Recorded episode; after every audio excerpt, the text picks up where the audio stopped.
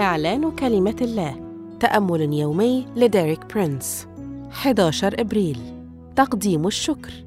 هذا الأسبوع يشرح لنا ديريك برينس أن يسوع المسيح حمل أحزاننا وتحمل أوجاعنا وبحبره شفينا. واليوم يوضح لنا أهمية بناء علاقة صحيحة مع الرب لنحصل على الخلاص.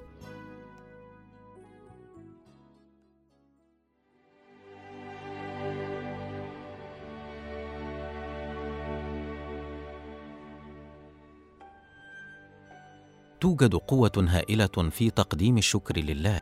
الشكر لا يطلق فقط قوة الله لعمل المعجزات الإلهية الخارقة ولكنه يختم على البركات الممنوحة بعدما يتم تفعيل قوة عمل المعجزات الإلهية.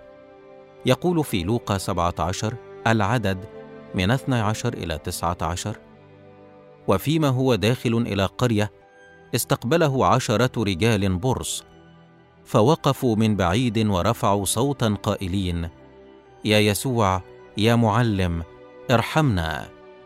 فنظر وقال لهم اذهبوا وأروا أنفسكم للكهنة. وفيما هم منطلقون طهروا. فواحد منهم لما رأى أنه شفي رجع يمجد الله بصوت عظيم وخر على وجهه عند رجليه شاكرا له وكان سامريا. فأجاب يسوع وقال أليس العشرة قد طهروا؟ فأين التسعة؟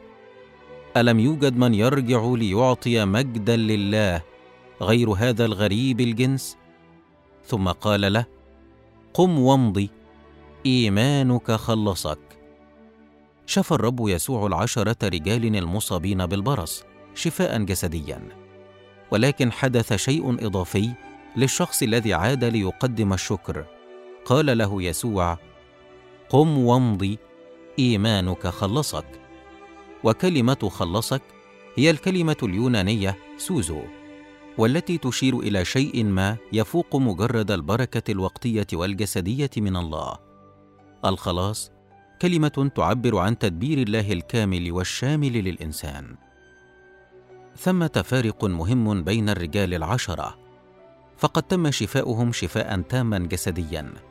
ولكن الشخص العاشر الذي عاد ليقدم الشكر للرب نال شفاء روحيا بالإضافة إلى الشفاء الجسدي. لقد خلصت نفس هذا الشخص عندما أقام علاقة أبدية صحيحة مع الرب. كذلك استقبل التسعه رجال بركة وقتية جزئية في حين استقبل هذا الرجل بركة دائمة. الفارق الجوهري كان في تقديم الشكر. أشكرك يا رب من أجل عملك على الصليب. أعلن أن تقديم الشكر يجلب بركات كاملة ودائمة وأن يسوع جرح لأنال الشفاء. آمين. للمزيد من الكتب والعظات لديريك برينس قم بزيارة موقعنا www.dpmarabic.com